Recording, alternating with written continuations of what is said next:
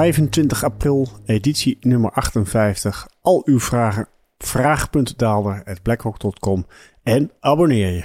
Nou, dit is de kortste huishoudelijke mededelingen sessie die ik ooit gehad heb. Waar het niet dat ik nu natuurlijk hardop ga denken, met als gevolg dat het alsnog weer een hele uitloop krijgt. Maar goed, de basics zijn bekend. U luistert naar de Daalder Denkt Hardop, waarin ik in de hoofdrol zit. Daalder, Lucas Daalder, Chief Investment Strategist bij BlackRock. En waarbij ik met name commentaar lever op wat er gebeurt in financiële markten, macro-economie en alles wat daar nog meer bij komt kijken. Volgende week ben ik op vakantie en dan vertoef ik in het mooie zuiden des lands, Zuid-Limburg om precies te zijn. Maar zal er ook wederom een Daalder Denkt Hardop zijn, waarbij ik nu al weet wat het thema's. Ik heb de afgelopen weken en misschien maanden zelfs gevraagd om langdurige thema's die wat meer body hebben en die ook wat beter houdbaar zijn, langer houdbaar zijn. En een van die thema's die zal ik volgende week behandelen en dat gaat in dit geval heel specifiek over de ontwikkelingen op de arbeidsmarkt. Waarom is er opeens sprake van krapte op de arbeidsmarkt? Is het tijdelijk, maar ook wat voor consequenties kan dit hebben voor groei, inflatie en uiteraard financiële markten. Nou, daarvoor moet je nog een week wachten. Dat komt volgende week pas. En wat deze week gaat opleveren, zal de komende 20 minuten blijken. We beginnen gelijk met de tune.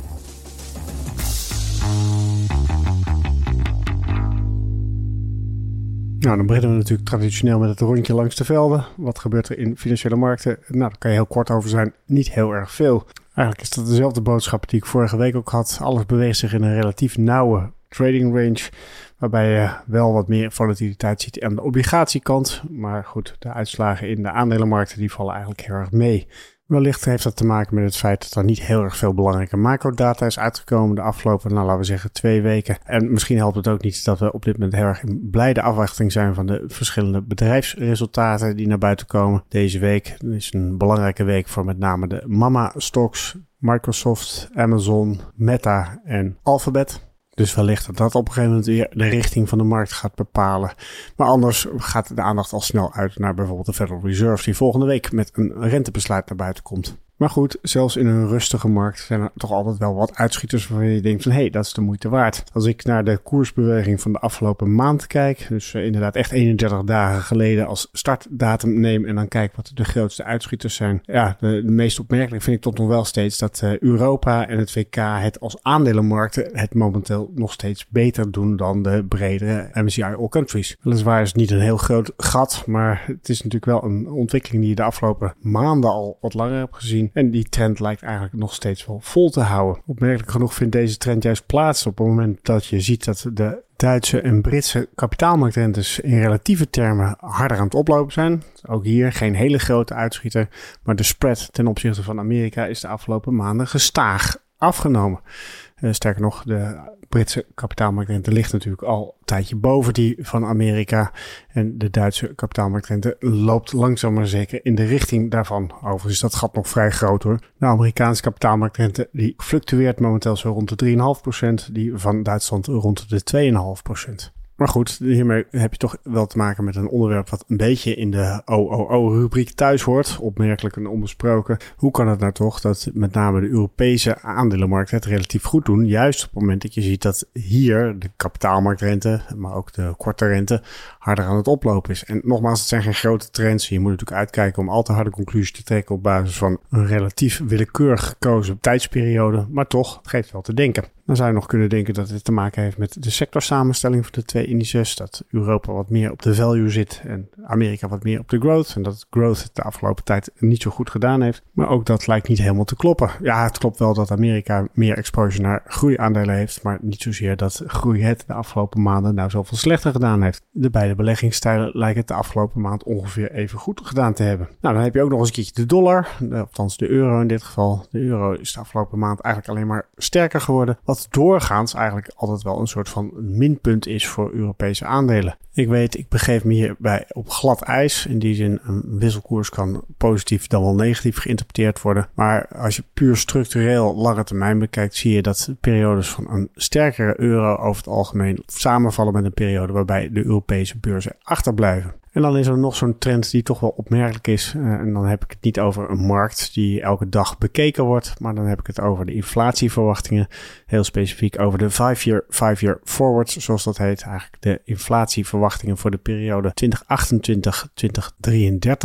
komt de naam natuurlijk ook vandaan. De gemiddelde inflatie over een periode van vijf jaar, startend over vijf jaar. Nou, die is de afgelopen maand in Duitsland ook weer gestaag opgelopen. Rond de val van Silicon Valley Bank en de onrust rond Credit Suisse zag je een tijdelijke dip. Liepen de vijf jaar, vijf jaar forward in Duitsland weer even terug naar 2,2 procent. Maar ja, je let even niet op. Prompt staat er weer 2,5 procent op de borden. En het gekke is dat dat een trend is die niet overeenkomt met hetgeen wat je in Amerika ziet. In Amerika fluctueert die 5 jaar 5 jaar forward nou al eigenlijk maanden rond die 2,2% Soms een keertje 5 basispunten hoger, soms een keertje 5 basispunten lager. Maar er is niet sprake van een verslechtering. Kortom, je hebt te maken met een toch wat opmerkelijke cocktail van ontwikkelingen. Je ziet dat inflatieverwachtingen aan het oplopen zijn. De kapitaalmarktrentes als gevolg daarvan ook inderdaad gestaag verder stijgen in Europa relatief ten opzichte van Amerika. Daarmee de verdisconteringsvoet voor Europese aandelen een verslechtering laat zien. En toch dat de Europese aandelenmarkten het relatief goed doen. Oh, en dan was ik de euro natuurlijk nog even vergeten. Het komt toch allemaal wat vreemd over dan kan het best zijn dat ik gewoon te veel zout op slakken aan het leggen ben. En dat ik naar een hele kleine uitschieter op een relatief beperkte periode aan het kijken ben. Maar goed, ja, dat is ook wat je gaat doen op het moment dat je ziet dat er in financiële markten niet heel veel gebeurt. Je gaat dan automatisch allerlei conclusies verbinden aan relatief kleine uitschieters. Dus misschien moet het even later voor wat het is en kijken of deze trend komende weken nog aan blijft houden.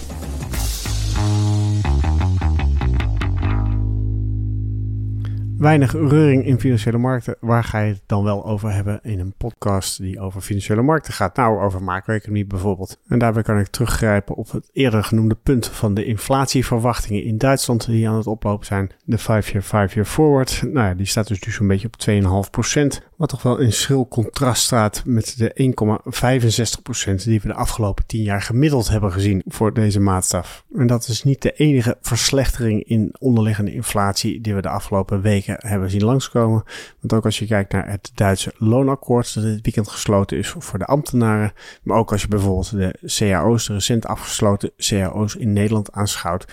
Ja, dan heb je het al snel over lonen die met 6%, 7% plus op jaarbasis stijgen. Bij dat Duitse loonakkoord heb ik trouwens ook wel percentage van 11 tot 17 procent gelezen. Maar dat is omdat het een akkoord is wat over twee jaar strekt. En bovendien ook nog eens een keertje absolute bedragen met zich meebrengt. Dus ik ga eigenlijk een beetje uit van een wat meer prudente aanpak. En dat is een procent of 6 op jaarbasis. Maar dan heb je het wel ook al over een loonstijging van 6 procent in 2024 niet meer dan logisch als je bedenkt dat we in 2022 een behoorlijke tik hebben gekregen, in reële lonen termen gesproken, en ook rekening houden met de krapte op de arbeidsmarkt. Dus je snapt waar het vandaan komt. Maar goed, dit heeft natuurlijk wel ook consequenties voor de inflatie, onderliggende inflatie, voor niet alleen 2023, maar ook 2024. Het tweede orde effect, die lonen, die gaan op een gegeven moment natuurlijk toch ook alweer terugkomen in prijzen, met als gevolg dat die inflatie wel eens een keertje hoger zou komen te liggen dan wat we allemaal hopen. Nou is dit wel een trend die met name plaatsvindt in Duitsland en Nederland. Je ziet het nog veel minder terug bijvoorbeeld in Italië of Spanje. Maar je kan natuurlijk ook best zeggen dat dat slechts een kwestie van wachten is of een kwestie van tijd tot ook daar de loonkosten beginnen op te lopen. In mijn column in het Financieel Dagblad van deze week, dus dat is woensdag 26 april, stel ik dan ook de vraag wie er nou eigenlijk een groter inflatieprobleem heeft: de VS of Duitsland of Europa in bredere zin. Had je me die vraag vijf jaar geleden gesteld, dan had ik zonder enige twijfel de VS gezegd. Een veel dynamischer economie, meer marktwerking, maar ook hogere inflatie track record. Met als gevolg dat ook de inflatieverwachtingen daar ook standaard hoger liggen. Maar ik moet eerlijk toegeven dat ik inmiddels toch wel een beetje begin te twijfelen over dat antwoord.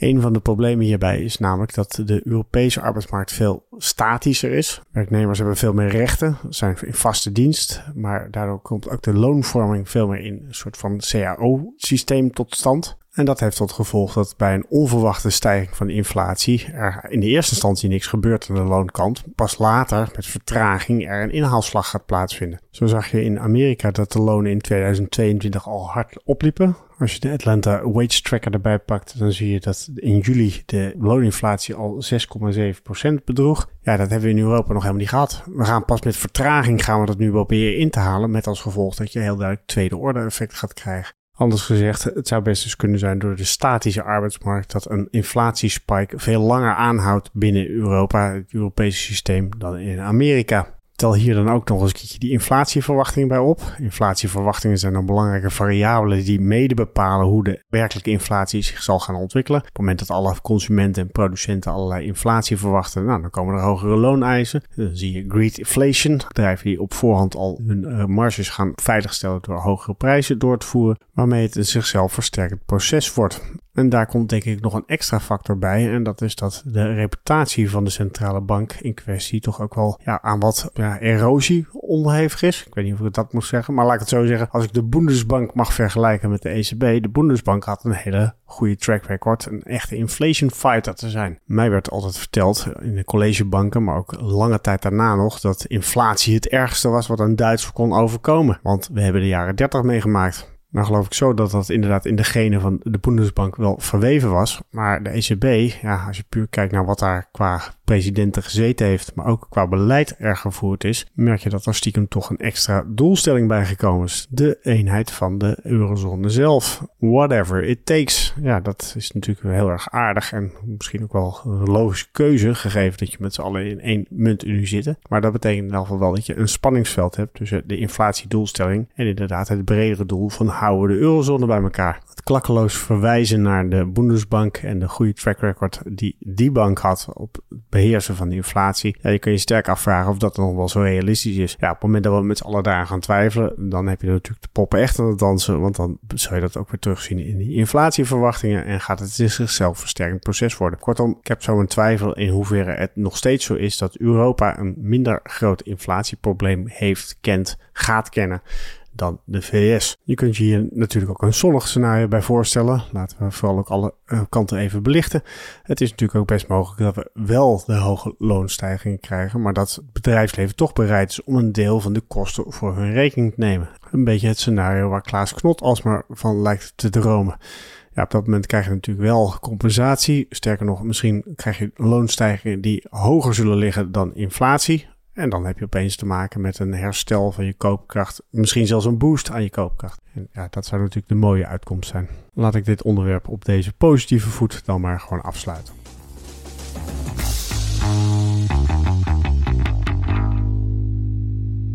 Dan had ik een luistersvraag. En niet eens een makkelijke ook nog. Eentje voor de gevorderde zou ik haast wel willen zeggen. Ik lees hem even op en probeer vervolgens wat toelichting te geven. Hij luidt als volgt. De Amerikaanse tweejaarsrente staat net onder de 4,2% en lager dan de Fed Fund Future. De obligatiemarkt lijkt een lagere beleidsrente te verwachten. Maar de MOVE-index is nog steeds aanzienlijk verhoogd. Hoe rijmt dat? Ik zou bij een hogere MOVE een hogere twee jaar US Treasury verwachten om te compenseren voor de grotere onrust en onzekerheid. Ben benieuwd naar jouw kijk hierop. Nou, anders ik wel.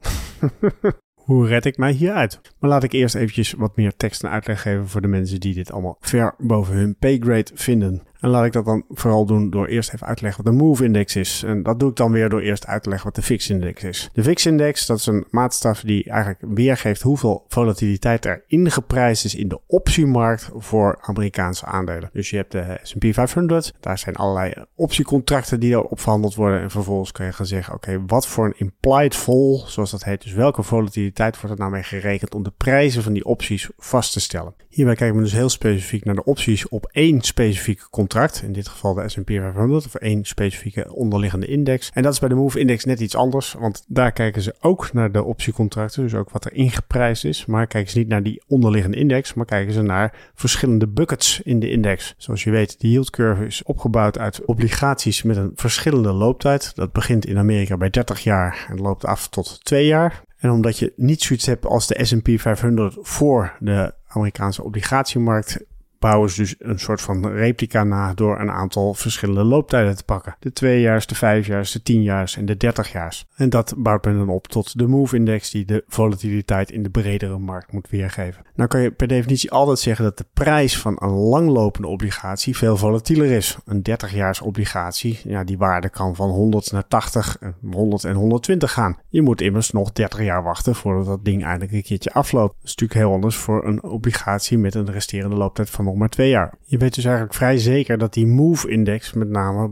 beïnvloed wordt door de langlopende obligaties die erin zitten en de onderliggende opties die daarop verhandeld worden. De move is dus veel meer een maatstaf van oké, wat verwacht men voor de volatiliteit van die langere kant van de curve en niet zozeer van de korte kant van de curve. Dus het is niet zo dat een hoge move ook tot een hogere rentevergoeding in het tweejaarsegment hoeft te leiden. Kan natuurlijk wel, maar ik zou niet weten waarom dat een wetmatigheid is. Sterker nog, als ik puur een obligatiebelegger ben en ik niet kan kiezen uit andere assets om eventueel in te schuilen, waar denk je dat ik dan mijn geld ga zetten als ik verwacht dat de volatiliteit gaat oplopen? Nou, dan ga ik natuurlijk voor de kortslopende resterende obligatie die er is. Die loopt over twee jaar namelijk af op een koers van 100. Ja, dan weet je zeker dat de volatiliteit van die prijs niet heel erg groot zal zijn. Ik zet zeker mijn geld niet op die 30 jaar. Kortom, ik kan me best voorstellen dat een hoge move er juist toe leidt dat er inderdaad meer vluchtgedrag naar kortlopende obligaties plaatsvindt. Als je geïnteresseerd bent in de dynamiek van die korte kant van de curve, dan zou ik zeker ook even luisteren naar de laatste editie van Oddlots, de Oddlots podcast. Here are the signs of a slow moving credit crunch, zoals die heet, waarbij Ben Emmons, Emmons, Emmons aan het woord wordt gelaten, een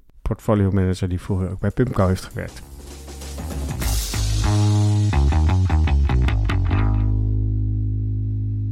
Ai, de tijd dringt alweer, dus ik ga in een soepele beweging door naar de podcast tip van deze week. Twee weken geleden had ik hier al een tip die ja, vrij positief was ten aanzien van de transitie, de energietransitie waar we op dit moment mee bezig zijn. Luister even terug naar die aflevering als je wil weten welke tip dat ook weer was. Maar ook deze week heb ik toch weer een positieve boodschap en dat is de podcast Zero van Bloomberg. En het is eigenlijk een herhaling, dus ik heb hem eerder gemist. Inside the Stealth Startup Making Zero Emissions Steel, waarbij stil wordt gestaan bij een productieproces waarbij het mogelijk is om staal te maken een temperatuur die lager ligt dan de temperatuur van een kopje koffie. Wat toch wel opmerkelijk is. Ik ben geen technicus, dus ik zou zeggen, ik ga ook geen poging doen om deze podcast een soort van samenvatting te geven. Sterker nog, het hele proces wordt ook niet uit de doeken gedaan, want het is toch wel redelijk revolutionair. Maar ik vond het toch wel een zeer opmerkelijke trend. Als je dit soort ontwikkelingen ziet, ja, dan krijg je toch het gevoel dat het allemaal op route wel goed gaat komen met de wereld. Overigens vind ik de hele serie Zero van Bloomberg trouwens de moeite waard. Dus het is niet alleen deze specifieke aflevering die je zou moeten luisteren. Luister vooral ook gewoon nog wat meer van die afleveringen die er zijn. En dan had ik nog één extra bericht waar ik toch even bij stil wilde staan. Omdat het mezelf heel erg aan het denken zette.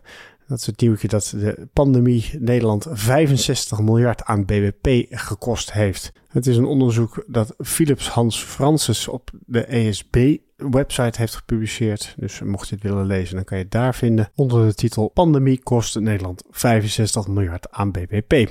Hierbij gaat het niet zozeer om de kosten van de overheid. Nee, welke dip heeft de eh, ontwikkeling van de Nederlandse economie nou eigenlijk laten zien als gevolg van COVID? Hierbij moet je eigenlijk denken aan BBP, ja, zeg maar een gestaag oplopende lijn, de omvang van de Nederlandse economie, die op een gegeven moment een tik krijgt door de COVID-maatregelen vervolgens ook weer sterk herstelt op het moment dat de lockdowns worden losgelaten en de stimulering van de overheid zijn effecten begint af te werpen. Met als gevolg dat je vervolgens die lijn weer heel sterk omhoog ziet lopen. Het goede nieuws is dat we eigenlijk weer terug zijn op de trend die we hadden van BBP-groei voordat COVID begon. Dus eigenlijk als je de lijn trekt tussen 2012 en 2019 en de lijn doortrekt alsof er geen COVID was geweest, dan was je eigenlijk op precies hetzelfde punt terechtgekomen als waar we nu zitten. Alleen heb je tussentijds een dip gehad, een stevige dip, een V en die V bepaalt dan inderdaad die omvang van die 65 miljard. We hadden 65 miljard meer BBP gehad als er geen COVID was geweest, al dus de onderzoeker. Kortom, we zijn eigenlijk precies op het punt waar we anders ook waren geweest en toch hebben we iets verloren.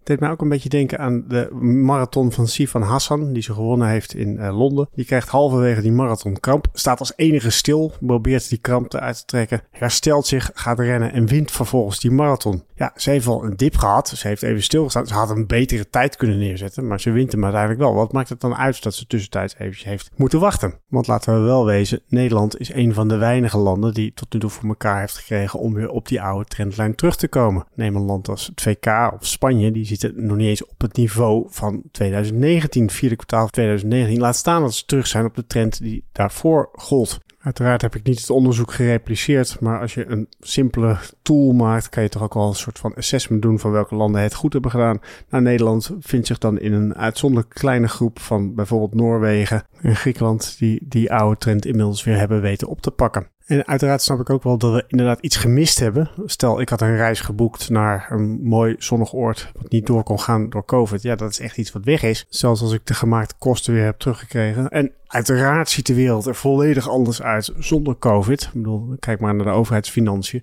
Dus ik snap echt wel dat er een impact is. Maar ja, als dan vervolgens de tekst, als ik die dan lees, dat komt neer op 3700 euro per inwoner van Nederland. Dan heb ik toch het gevoel dat er ons een beetje een soort verlies wordt aangepraat. Waarvan ik denk van ja, had ik 730 euro meer moeten hebben ergens dan? Kortom, ik had het leuker gevonden als uit het onderzoek was gebleken dat Nederland het in relatieve termen juist heel goed heeft gedaan. Want dat is ook inderdaad echt een onmiskenbaar feit. Zeker als je het vergelijkt met de meeste landen om ons heen of ook verder in de wereld. Goh, lijkt wel een rasoptimist te worden. Nou, daarmee ben ik aan het einde gekomen. Deze positieve noten aan de Daalder Denk Daarop van deze week. Ook volgende week zal er weer eentje zijn. En wil je die niet missen, dan moet je je uiteraard abonneren. Zelf ben ik er een weekje tussenuit, maar wees niet getreurd. Over twee weken kom ik weer terug en ga ik ook weer in op wat er allemaal in de financiële markt is gebeurd. Tot die tijd, veel plezier met Koningsdag, met 5 mei, 4 mei, nou ja, alles wat ons de komende weken te wachten staat.